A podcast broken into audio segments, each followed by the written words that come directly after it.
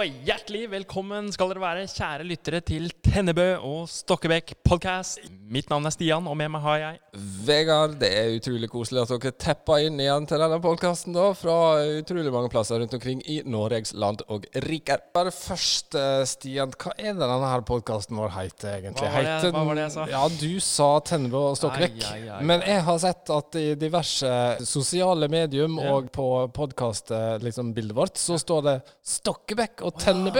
Stemmer. Da Ja. er det selvfølgelig velkommen til Stokkebekk og Tennebø podkast. Kjempebra. Applaus der også.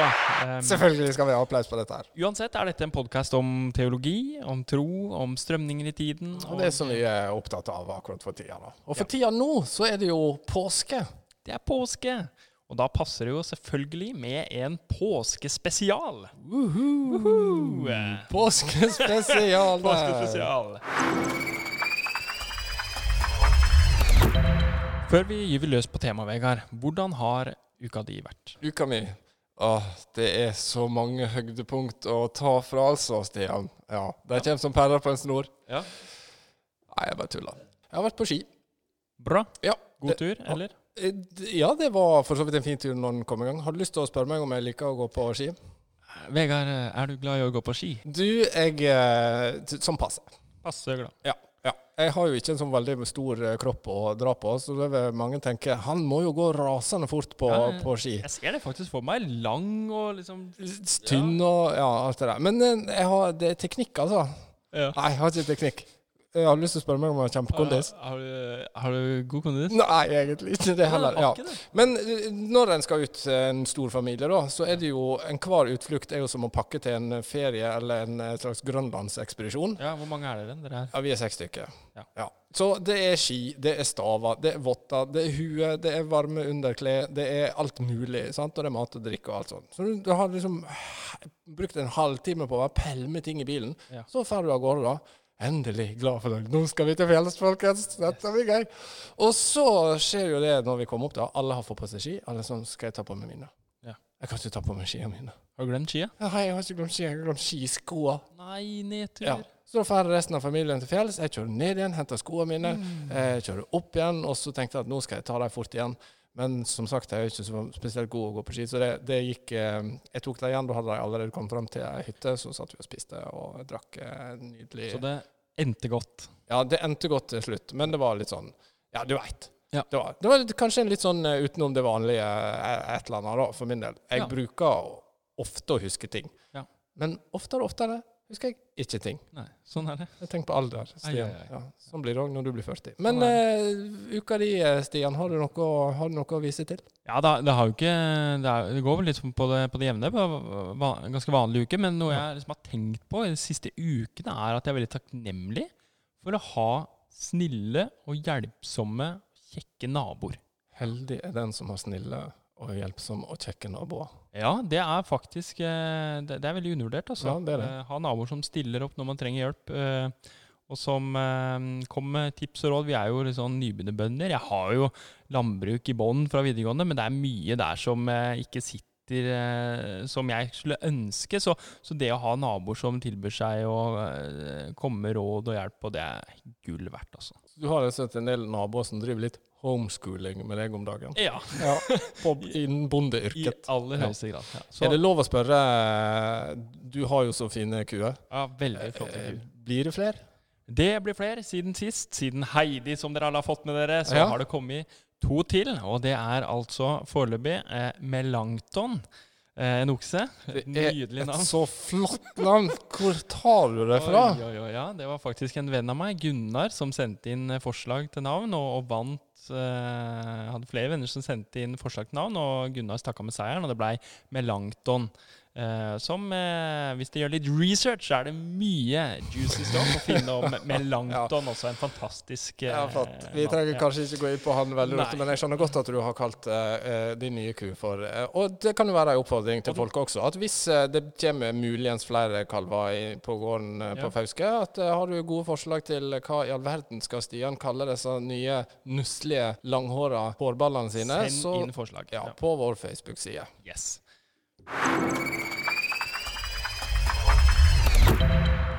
Siden dette er en påskespesial, så har vi valgt at dagens tema skal være Nattverd. Jeg prøvde å si det litt dramatisk. Jeg vet ikke om jeg fikk det til. Veldig, veldig Ja, ok. Hvordan ville du sagt det? Nattvær.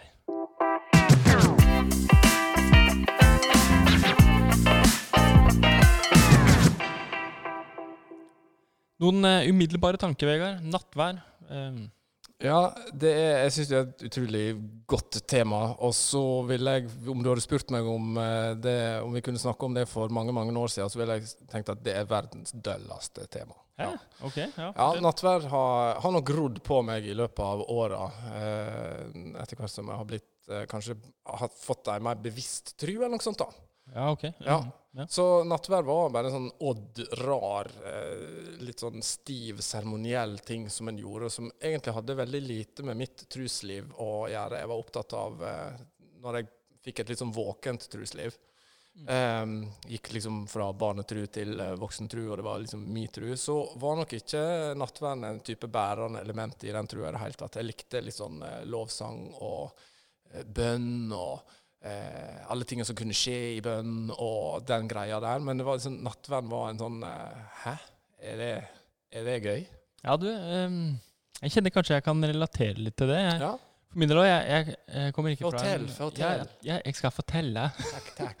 Eh, jeg, jeg kommer ikke fra en, eh, et kristent hjem, og eh, vi, derfor var det ikke naturlig at jeg liksom, gikk til nattvær hver søndag. Eh, jeg var på en gudstjeneste, husker jeg, hvor man feirer nattvær. Sikkert på ungdomsskolen eller noe sånt. Mm. tenkte jeg det her er jo rimelig spesielt. Ja, Eh, jeg syns i hvert fall det. dette er rart. Uh, ja, det her var rart. Jeg skjønte ikke opplegget. Mm. Hvorfor i all verden skal det sies så mye rart? Og hvorfor skal det løftes beger over hodet, og hva er sånn greia? Det var en sånn fjern ting for meg, da. Jeg gikk jo til nattverd, men jeg hadde jo ikke peiling på hvorfor i all verden jeg gjorde det. Nei. eh, Og hva poenget var. Det var sånn massesuksesjon. Jeg gikk fordi alle andre gikk. Ja. Masse suggesjon eller masse suksesjon? Ja, Suggesjon, ja. Du, Takk. du velger suksesjon? Ja. Ja, det er bra. For suksesjon Jeg har hørt om noe som heter suksesjon. Det er Eh. nesten ikke det samme, men, men Tusen takk Vegard, for at du driver og lærer meg norsk. OK. Eh, så skjedde det noe for min del når jeg oppdaga at uh, du heiane, her har kristne i hundretalls, tusentalls, millionstall drevet og feira dette nattverdsgreiene i alle år som kirka har funnes. Hvorfor gjør de det, og er det noe jeg ikke har skjønt? Det var en tanke som etter hvert demra litt for meg, da. Eh, At så- du faktisk ikke hadde skjønt noe som noen andre hadde skjønt. ja, og det satt jo langt inne, selvfølgelig. Ja, det sitter jo ja, sant? Og sånne typer erkjennelser vil en jo nødig eh, unne sine verste fiender. Men, eller det er vel kanskje de en unner sånne eh, opplevelser på. Da. Men iallfall hadde jeg en sånn mm, Det her må jeg prøve å finne litt ut av. Og da fant jeg ut av at for det første så er jo nattverden Det er jo mysteriøst. Det er jo et mysterium. Altså, Ja. ja, sånn, hvordan kan det gå an, alt det der. Men, men etter hvert når jeg begynte på MF, da, studerer studere teologi og sånt, så eh, fikk jeg nok et annet forhold til hva symboler er for noe, hva en tenker at nattverden er, hva det gir, eh, og hvorfor vi feirer og sånt. Og da begynte nattverden plutselig å bli en ganske mye rikere og bærende eh, sak i mitt trusliv, da. Ble det, ja, er det noe som blei eh, Eller du sier viktig. Vil det si at det er noe som har gått fra å ikke ha noe interesse til å kunne gjøre det? Eller Ja, ja, ja, nesten. Fra at det var en sånn ikke-ting i truslivet til at det er blitt en veldig sånn, nesten en sånn bærebjelke. da. Og for min del så handler jo det om at eh, en nå forstår litt sånn ut ifra Bibelen hva en faktisk får når en får rett ut handa si, og så får en et brød oppi handa, og så får en vin, og så får en drikke der. da. Men at Jesus på en helt spesiell måte er i dette måltidet her, og bruker dette måltidet her for å formidle den han er, og det han har å gi til meg. mm, jeg, jeg brukte ganske lang tid etter jeg ble kristen, Ja. å, å få et bevisst forhold til nattvær. Mm. Eh, og det var ikke før jeg ja, Jeg ble kristen i løpet av videregående. Det er Ja. vanskelig å si. Det er, ting skjer i prosesser her. Mm. Eh, men eh, og- og- 16-17-årsalderen. Ja, ish. Men, men, men det, tok, eh, ja, det tok lang tid før jeg fikk et bevisst forhold til, til hva nattvær er. Mm. Og at jeg interesserte meg for å tenke at det her er viktig. da. Mm. Um, Mm. og jeg tror for min del så var det ikke før jeg tok et år på bibelskole. Hvis det kanskje ja. fjernt ut, men det er faktisk mulig å gjøre det. Ja, det er det. Og eh, det var veldig fint. Og, og da fikk jeg en del undervisning, egentlig. Og da, og da begynte det liksom å demme litt for meg. Mm. Uh, litt det derre dybde da, i, Ja. i nattværen, og hva det er for noe. Jeg gikk på bibelskole og fikk tak i dybden i troslivet. Er det det du sier? Ja, det Stian sier, Ja, ok. ja. Ja. Mm. Men det er påske. Det er påske. Det er en påskespesial. Dette er en påskespesial. verden skal vi snakke om nattvær? Nei, det er jo kanskje, jeg tror det er den mest naturlige ting i hele verden å snakke om nattvær i påska. Ok. Eh, påske, bare sånn kjapt, eh, Stian. Hvorfor feirer vi påske? Eh, Tre kjappe fra Stian om hvorfor vi feirer påske. Ja, Ah, jeg blir så stressa! Jeg blir så stressa! du fikk, han fikk sånn eh, lampefeber, heter det. Ja, lampefeber. Jeg har lampe midt i fjeset nå. Ja, men, nå, ser men nå ser jeg at pulsen din går ned. Eh, skjegget ditt strutter i alle kanter. Eh, det er sjøltillit eh, i hodet og på skuldra. Vær så god, Stian. Hvorfor feirer vi påske? For min del så handler jo eh, påsken handler om Jesus. Mm. Det handler om at han døde på et kors. Mm. Så handler det om at han sto opp igjen fra det døde. Ja. Noe vi skal snakke litt mer om senere.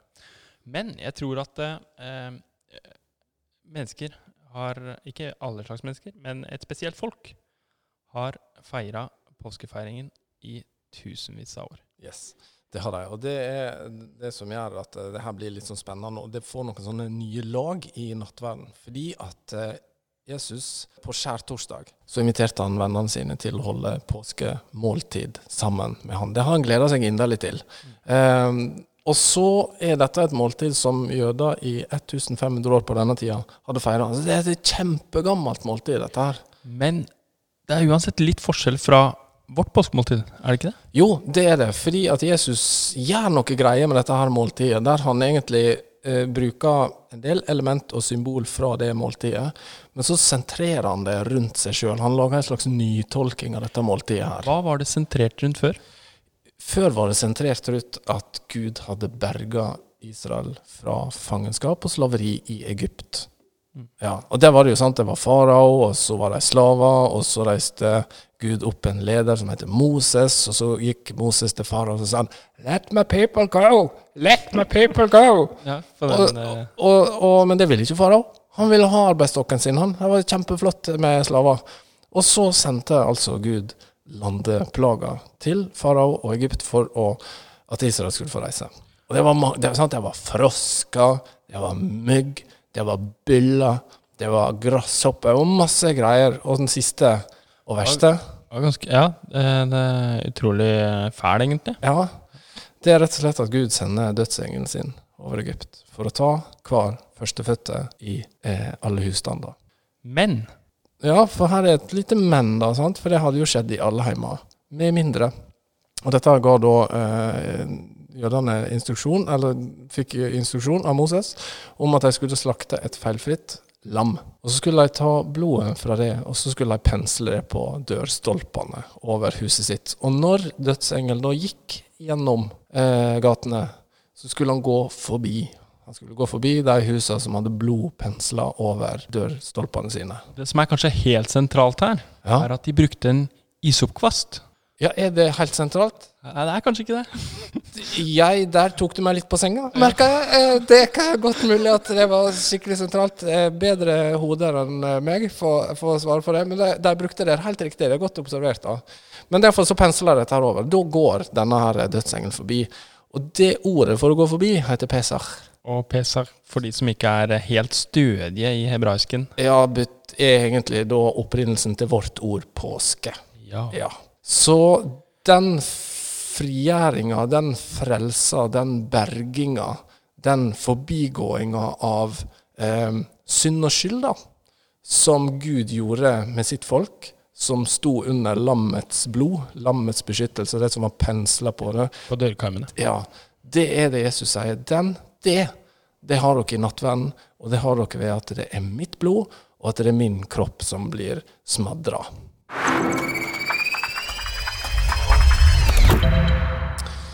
Hvis vi skulle fortsette litt med nattvær, og det skal vi jo Det skal vi. Ja. Det er jo tross alt en eh, påskespesial. Hva er en av de kanskje viktigste tinga for deg med nattverden? For min del så, fra ha for at nattverden har vært en sånn fjern greie som jeg ikke har hatt noe forhold til, Mm. så eh, har nattvær for meg de siste åra blitt eh, det helt sentrale i, i, i troa mi. Mm.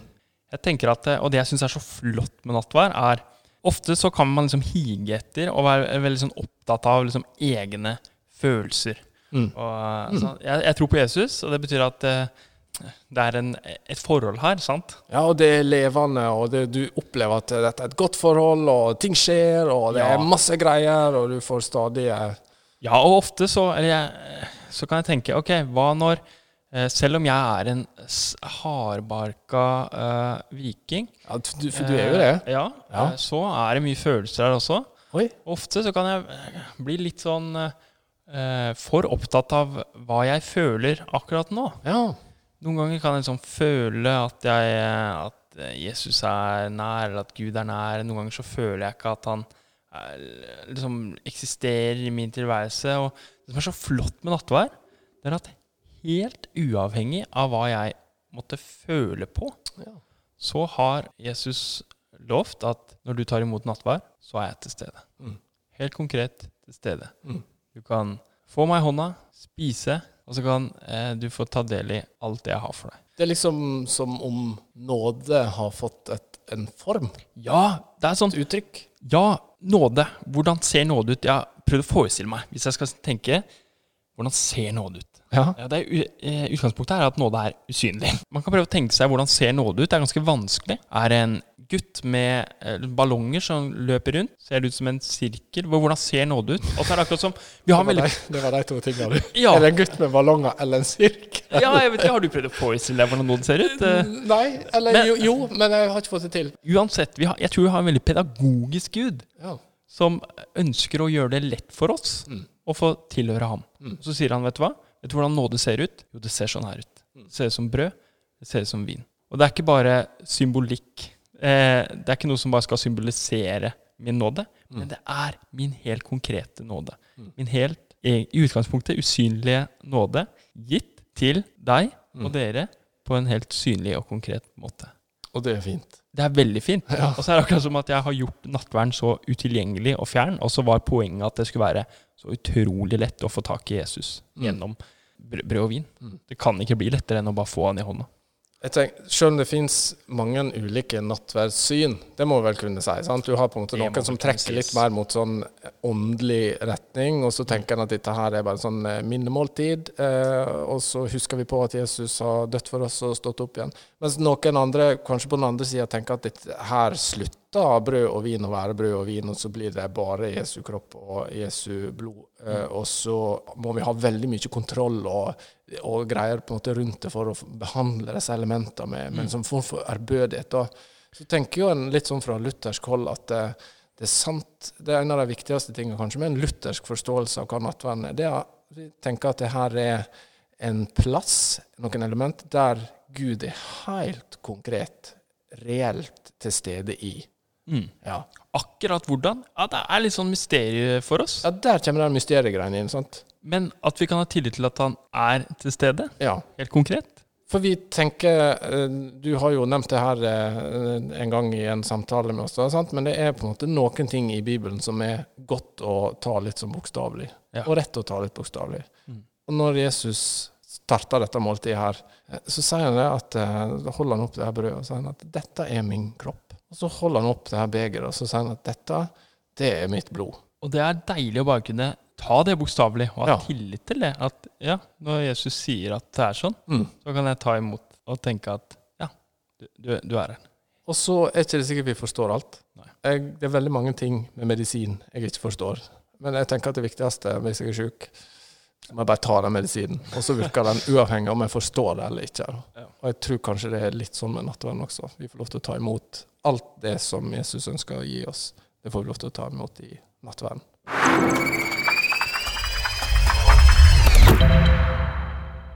Hvis du skulle si, Stian, hva det fineste du veit, eller for å spørre på en annen måte, da.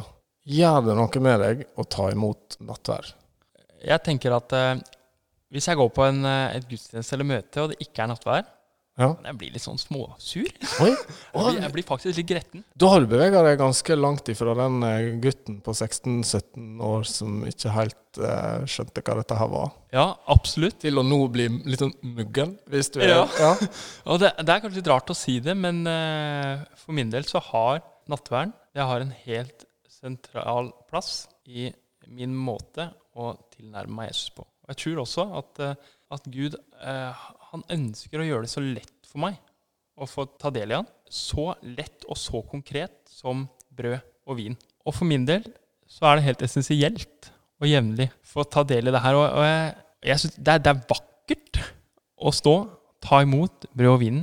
Og det er veldig sjelden jeg ikke kjenner en, en klump i halsen når jeg tar imot nattverden. Eh, og, ehm, og det er noe med Jesus som er så tilgjengelig, så aktivt til stede. Mm. Uavhengig av eh, hvordan jeg måtte føle meg eller ha det. Og I det hele tatt så sier han 'her er jeg, Mm. ta imot meg'. Hva, hva med deg, Vegard? Det var Ja, jeg, jeg gjenkjenner veldig det du, det du sier nå. Og så eh, for å ta for at vi, både du og jeg, vi, får jo, vi er jo så heldige at vi av og til får lov til å være med og dele ut nattvær. Mm. Og det, har rett og slett blitt en utrolig sterk opplevelse for meg. Både fordi jeg veit litt om hva jeg får lov til å være Jeg får lov til å putte opp i handa til folk. Og så får jeg lov til å si at dette er Jesu kropp. Eh, Dette er Jesu blod. Og så får jeg lov til å kikke inn i øynene på, på mennesker som har så ulike liv, da. Og så ulike historier. Og jeg veit jo ikke hva de bærer på, sant. Av eh, tunge ting, vanskelige ting.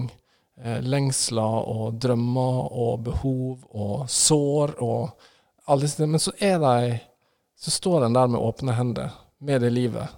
Og så får en lov til å ta imot nattverden, ta imot Jesus eh, oppi der. Det syns jeg er utrolig sterkt. Det, ja, det er rett og slett eh, fantastisk sterkt.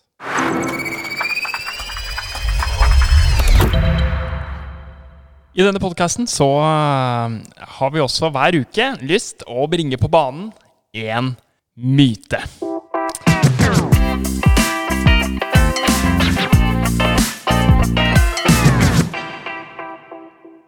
Denne myten er jo litt sånn For veldig mange så er ikke det her en myte. Ja, for det er sant. Er det, er det myte? Er det ikke myte? Og nå er dere sikkert kjempespent på Ja, men hva er det da? Hva er det dere snakker om? Si det, si det ikke. Og det her er jo en påskespesial. Mm. Og siden det er påskespesial, så er det helt nødvendig å få med Jesu Og verdig og rett. og verdig og rett å få med Jesu korsfestelse og oppstandelse. Og dagens myte er som følger.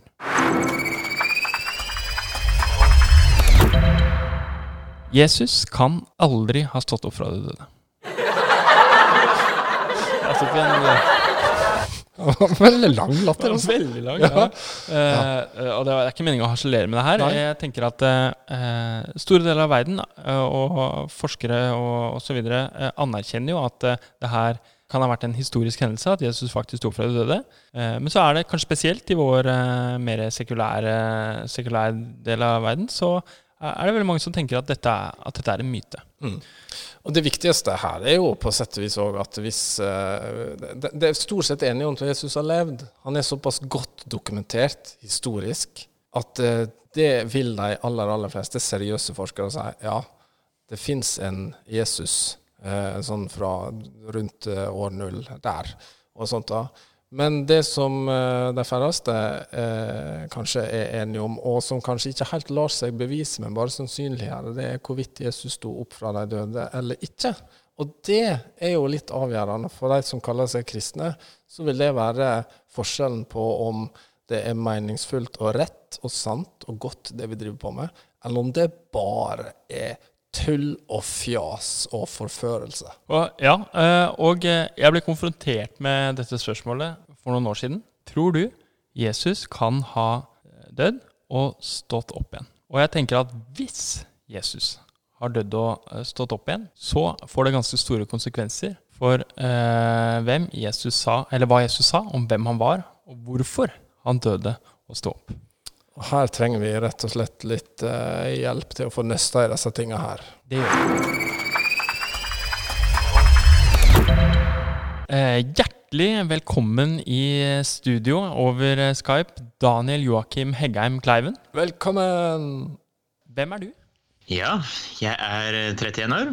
bor i Oslo. Eh, siviløkonom, jobber som kommunikasjonsleder i laget. Og ja, filosofien her. Syns det er veldig spennende å utforske ja, hvordan, ting, hvordan ting henger sammen. Og det er kanskje derfor jeg er her i dag. Det her er filosofinerd-delen av det. Hvordan arter det seg sånn i hverdagen? Sitter du i tett attmed en peis og leser tjukke, tjukke bøker og ser i taket? det er kanskje sånn jeg skulle ønske at det var. Men ja. uh, i realiteten så blir det kanskje litt mer å ja, høre litt ekstra på podkast. Uh, lese kanskje noen flere bøker. Og så har jeg jo en podkast å skrive litt uh, selv også, når jeg, eh, når jeg får ånden over meg. Høres ut som et godt liv, altså. Ja, så fint. Ja.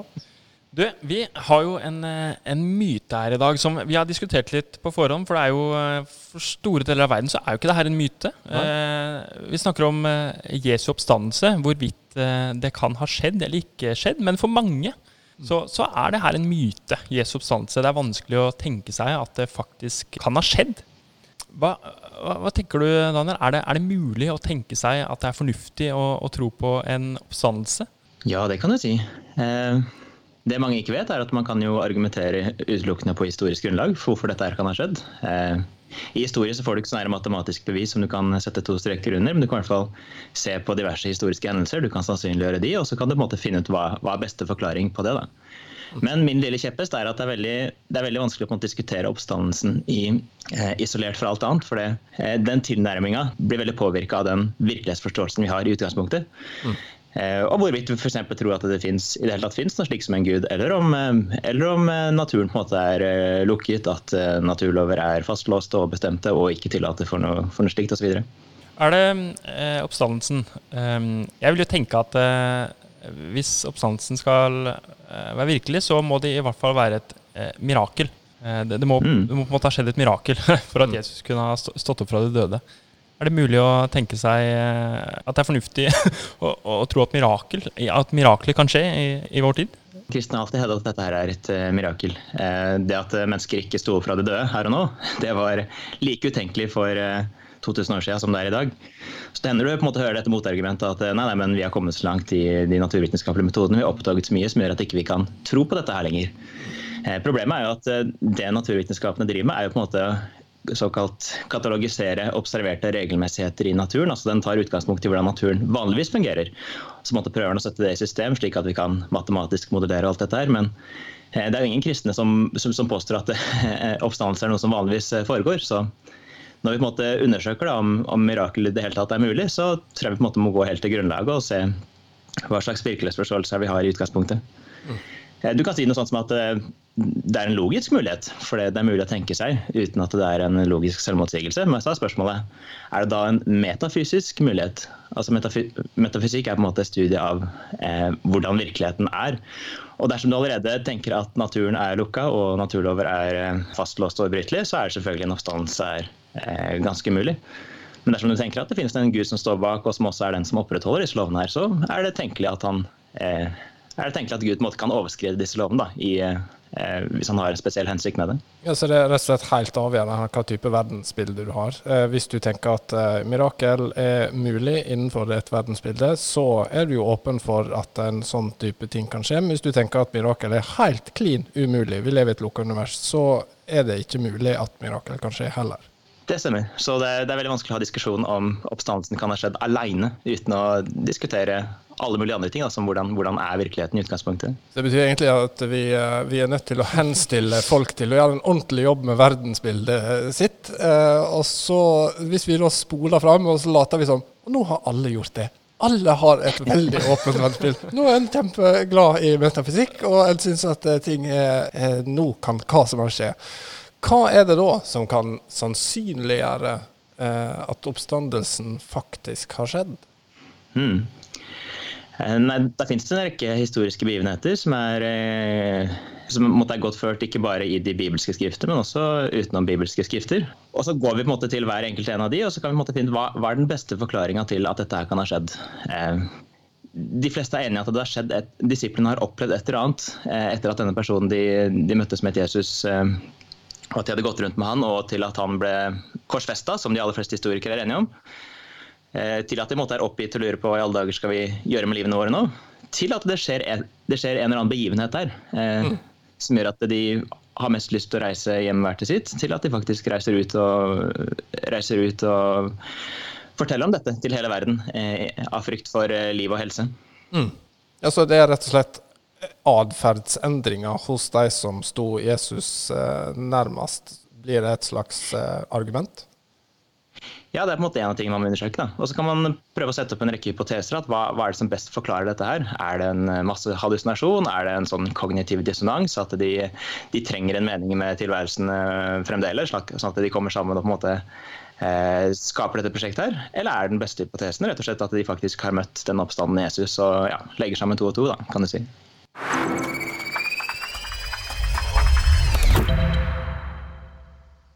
Tusen takk, eh, Daniel. Tusen, uh, tusen takk for at du stilte i podkasten vår. Nei, det var bare uh, kjempemessig, det. Så tusen takk.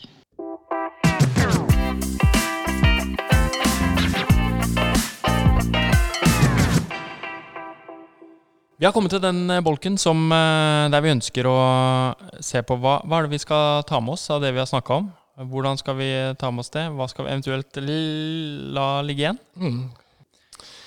Eh, skal jeg begynne? Ja, ja, gjerne.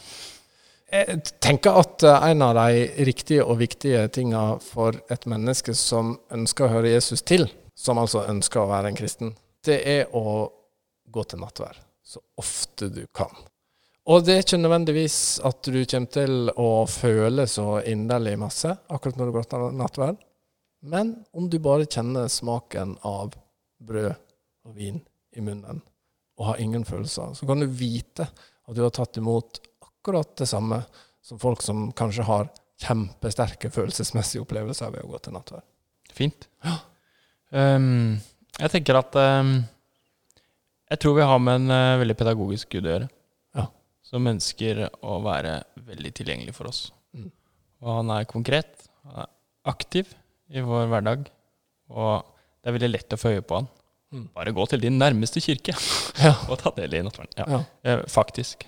Så, så, enkelt. Og kanskje også så, så vanskelig for mm. mange mm. Å, å, ta en tur innom en kirke eller menighet. Men vit at uh, du er hjertelig velkommen i våre sammenhenger. Og så er det noe òg med at uh, nattverden det er for alle som har lyst til å ha med Jesus å gjøre. Og Det har vært litt sånn kanskje opp igjennom at nei, det er sånn de spesielt, spesielt kristne superkristne. Det er de som skal gå til nattverd, og alle vi andre vi får kanskje sitte litt på bakerste rad og bare se på. Men, men uh, du er invitert med. Uh, virkelig med. Jeg fant et Martin Luther-sitat. Kan jeg få lov til å dele det? Ja, det er alltid ja. kjærkomment. Ja, nå kommer et Martin Luther-sitat her.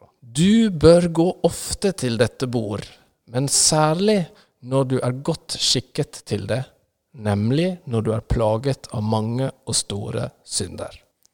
Så kanskje når man ikke føler for godt nattvær, da Ja. Du trenger nødvendigvis ikke være et veldig sånn støvsugd, renholdelig, plettfritt liv. Glansbildeliv. Ja. Nattverden er for de som trenger syndenes tilgivelse.